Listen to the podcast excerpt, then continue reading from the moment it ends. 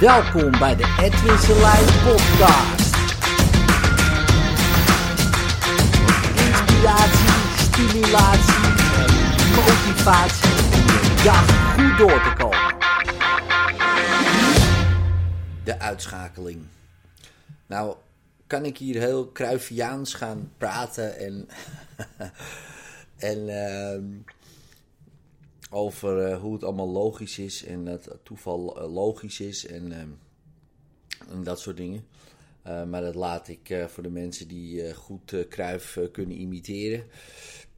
Ehm, waar ik het over heb is ehm, de uitschakeling van Ajax door Tottenham Hotspur.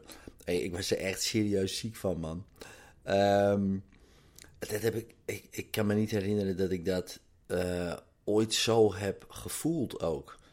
En nog steeds wel eh, een beetje. Ehm, dat is wel bijzonder, vond ik. En ehm, pijnlijk ook.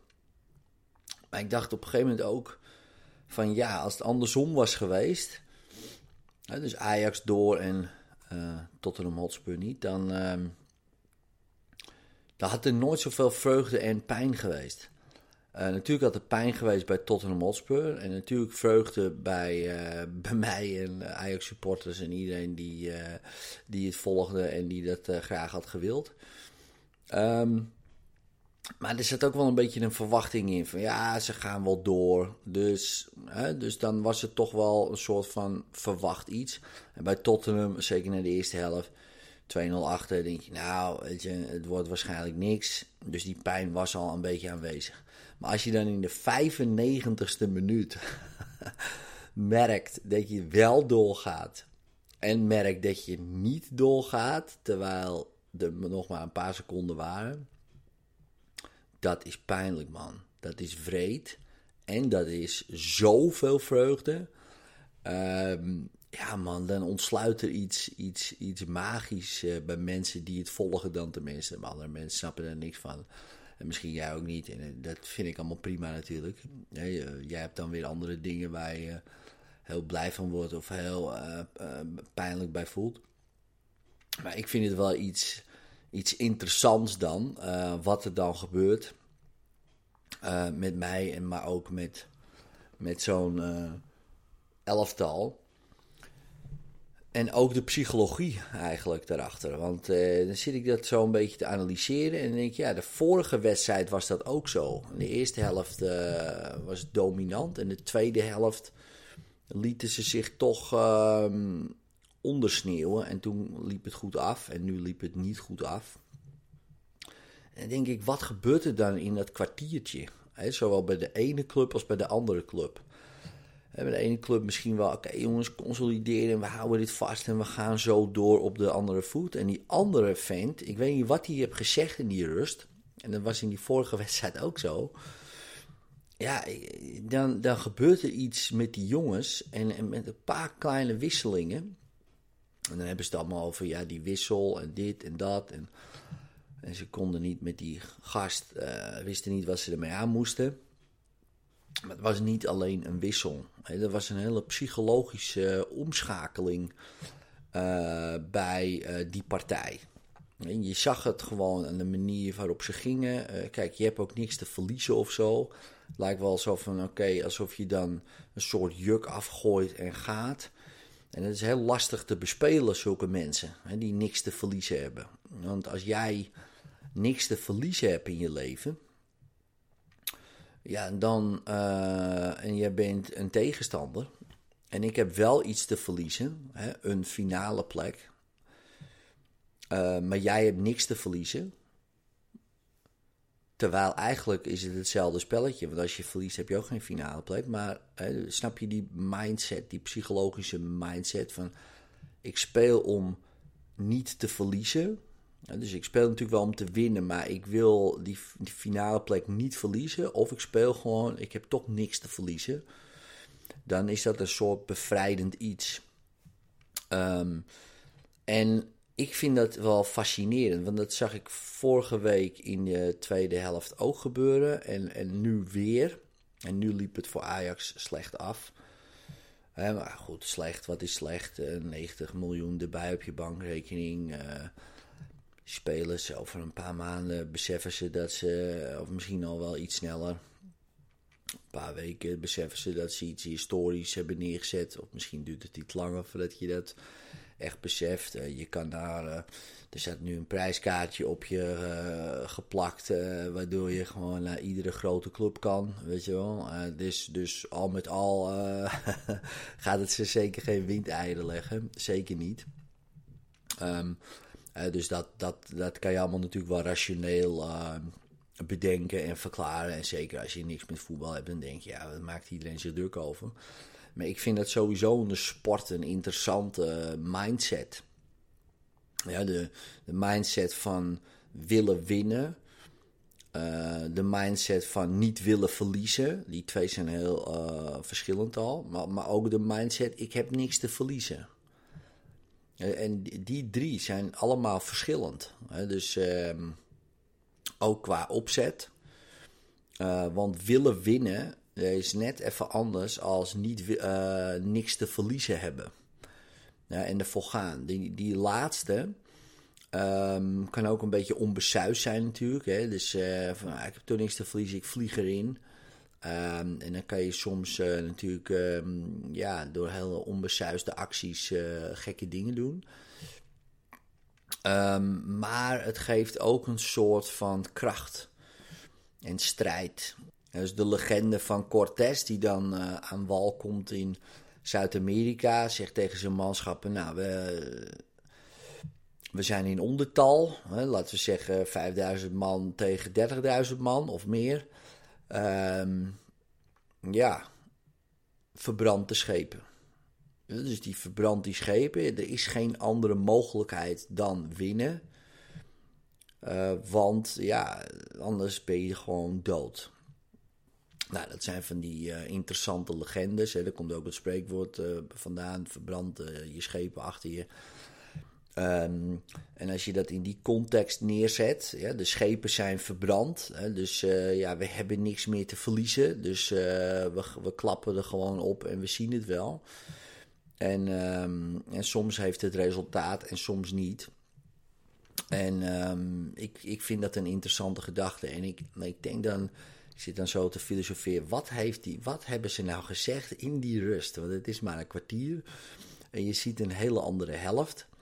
Um, wat is daar gebeurd? Weet je wel? Wie, hoe hebben uh, die trainers dat elftal gehypnotiseerd? Of misschien zit een andere speler die natuurlijk het voortouw neemt in dat elftal. Die zegt, nee, we gaan dit doen, dat doen, zus doen, zo doen. En iedereen luistert ernaar. En iedereen gaat in een bepaalde mindset weer dat veld op. Uh, en dan gebeurt er iets uh, compleet anders. En dus ik denk dat iedere club um, in ieder geval een soort van hypnotiseur moet hebben Zoals ze hadden in de tweede helft bij Tottenham, denk ik. die mensen. Die, wat natuurlijk, het gaat ook om tactiek, het gaat om strategie, het gaat om bepaalde spelers in de juiste opstelling. Dat is allemaal zo. Dat is ook zo, want als je natuurlijk mij opstelt, dan weet je sowieso dat het niks wordt. Dus uh, natuurlijk is dat allemaal waar. Maar ik vind het interessant, die psychologie en die hypnose die je bij die spelers kan installeren, waardoor ze geloven, dat is super belangrijk, dat alles lukt, dat is ook super belangrijk. Um, en dat het ook zo blijft, drie kwartier lang of vijftig minuten, hè, hoe lang meestal een helft wel duurt, de tweede helft zeker. Um, dus iedere club zou gewoon een hypnotiseur moeten hebben. Die gewoon alle trauma's, uh, dingetjes, dingen die er gebeurd zijn, frustraties eruit haalt. En weer pats op als een soort reset. We gaan die tweede helft in. Het is weer de eerste helft. En we klappen erop of zo. Ja, dan. Um, ik zeg niet dat het een anders had geweest. Helemaal niet. Dat is natuurlijk ook uh, onzin uh, om, om te roepen. Want ik weet helemaal niet wat er gebeurd is en, en, wat, ze, wat ze doen. Maar ik vind het wel iets interessants om te zien. Want je ziet het verschil het is niet opeens dat ze minder kunnen rennen of minder kunnen voetballen. Maar toch gebeurt er iets uh, in, in de hoofden van die, van die spelers. Nou, en nu ook. En dan ben je, heb je zo'n klap gehad. Ja, um, ik weet niet hoe ze begeleid worden daarin. En dan zeggen ze ja, professionals, heads up. En we gaan er weer voor. En er zijn een paar spelers die motiveren die mensen weer. Want zondag uh, moet je er weer staan. maar als dat niet goed gaat en je neemt dat gewoon mee de volgende wedstrijd in, dan ben je opeens een prooi. En de volgende wedstrijd is dan Utrecht. Nou, Utrecht die heeft dat ook gezien. Die denkt Ajax is nu verzwakt. Ajax die, die, die heeft het helemaal gehad nu. Hè. Dus die, die gaan we pakken, weet je wel. En die, die, die gaan hun motivatie daaruit halen. Dat ze als aangeslagen wild nu zijn. dus die psychologie zit er dan in uh, bij, bij zo'n elftal. Um, en andersom ook natuurlijk. Van, oh ja, we zijn hier wel uitgeschakeld, maar nou gaan we ervoor. En met dat soort uh, interessante mindset dingetjes uh, vind ik interessant. Want eigenlijk zou je dit helemaal voor de wedstrijd moeten uh, kunnen wissen. Dus zodat het totaal geen invloed heeft. en puur en alleen die mindset voor die wedstrijd. Helemaal in het nu, helemaal in de focus, helemaal in de flow. En dan, en dan net zo spelen als bijvoorbeeld je beste wedstrijd. Tegen bijvoorbeeld Real Madrid uit of zo. Nou, dan moet je nu misschien die beelden ook niet laten zien, want dan voelen ze de pijn weer, weet je wel. Maar je snapt wat ik bedoel. Als je dat soort dingen weer kan installeren, die er gewoon al in zitten, dus eigenlijk naar boven halen en laten focussen op die wedstrijd ja, dan, heb je, dan heb je meteen een psychologisch voordeel ook in jezelf en voor jezelf. En dan, en dan zit je ook meteen weer in vorm en in die flow. En uh, nu heb ik het over voetbal, maar eigenlijk heb, kan je dat op je hele leven kan je dat, uh, zetten.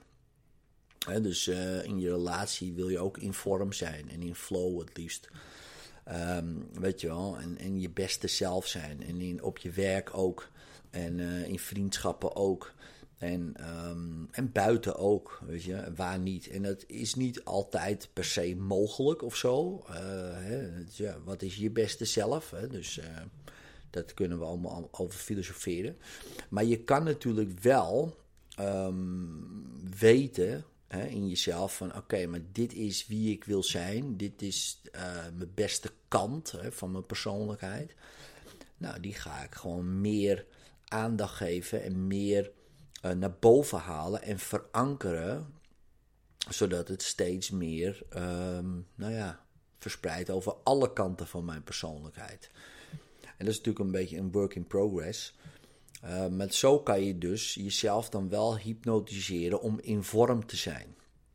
En op kort, uh, zeker in de sport, kan dat uh, prima. Je kan een wedstrijd helemaal in vorm zijn. Ja, dat kan je gewoon erin hypnotiseren.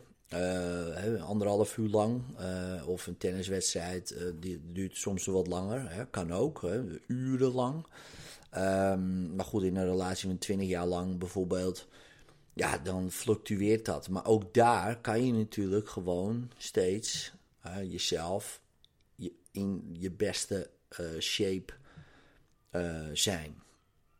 In beste vorm. Hè, zodat die ander je beste ja, zelf ziet en heeft, zeg maar, of heeft. Er zijn geen bezit of zo, maar, hè, maar gewoon ziet en kan ervaren. Nou ja, en daar op een gegeven moment misschien wel uit concluderen van... wauw man, hier wil ik de rest van mijn leven bij zijn met deze persoon of uh, juist niet. dat kan ook. Want niet iedereen zijn beste kant.